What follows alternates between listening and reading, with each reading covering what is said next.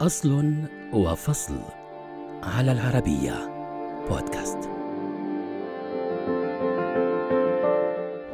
حتى وقت ليس ببعيد بقي اكتشاف كنوز البحار تحديا للبشر حول العالم وشكل اقتحام عالم الحياة المائية هاجسا كبيرا لسكان اليابسة.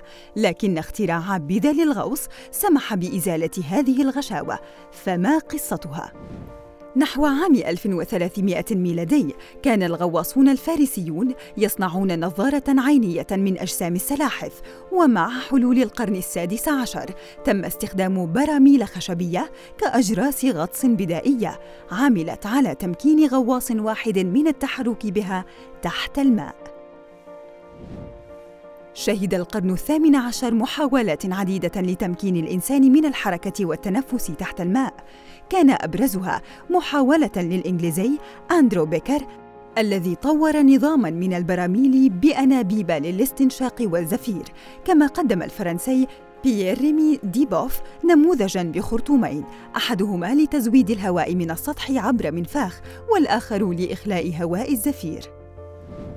في عام 1771 أضاف البريطاني جون سميتون مضخة لتزويد الغواص بالهواء عبر الخراطيم. في أواخر القرن الثامن عشر صنع البولندي كارل هاينريش تصميم بنطال وسترة من الجلد المقاوم للماء كما زوده بخوذة مرتبطة بخزان هواء لكنه كان يمكث مدة محدودة تحت الماء في عام 1837 وبعد ظهور الأحذية الثقيلة تم تطوير بذل للغوص مغلفة بجلد سميك مقاوم للماء ومزودة بخوذ معدنية وأحذية ثقيلة. شكل نفاذ الهواء تحدياً للمخترعين باستثناء الإنجليزي هنري فلوس ففي عام 1878 قدم تصميما مع إمكانية إعادة استخدام الأكسجين وتم استخدامه لاحقا في عمليات إنقاذ عمال المناجم من الغرق كانت هناك محاولات متفرقة حول العالم لتطوير بذل الغوص، لكن النقلة النوعية جاءت مع اختراع مادتي النيوبرين والنايلون في عام 1930 رغم أن ذلك كان لغايات أخرى. ففي عام 1951 قام الفيزيائي الأكاديمي هيو برادنر باستخدام مادة النيوبرين المطاطية لتصميم بذلة الغوص للسباحين العسكريين.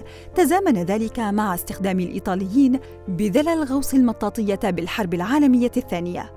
في عام 1953 اخترع جورج بيوتشات أول بذلة من القماش المطاطي ثم قام بتطويره ومنحه اسما تجارياً.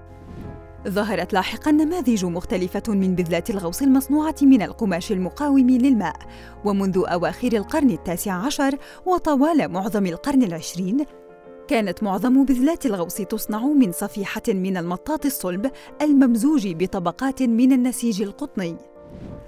وبالرغم من تعدد المحاولات ووعورة الطريق فقد نجح الإنسان أخيراً في الحصول على بذل عصرية تعينه على اكتشاف كنوز البحار.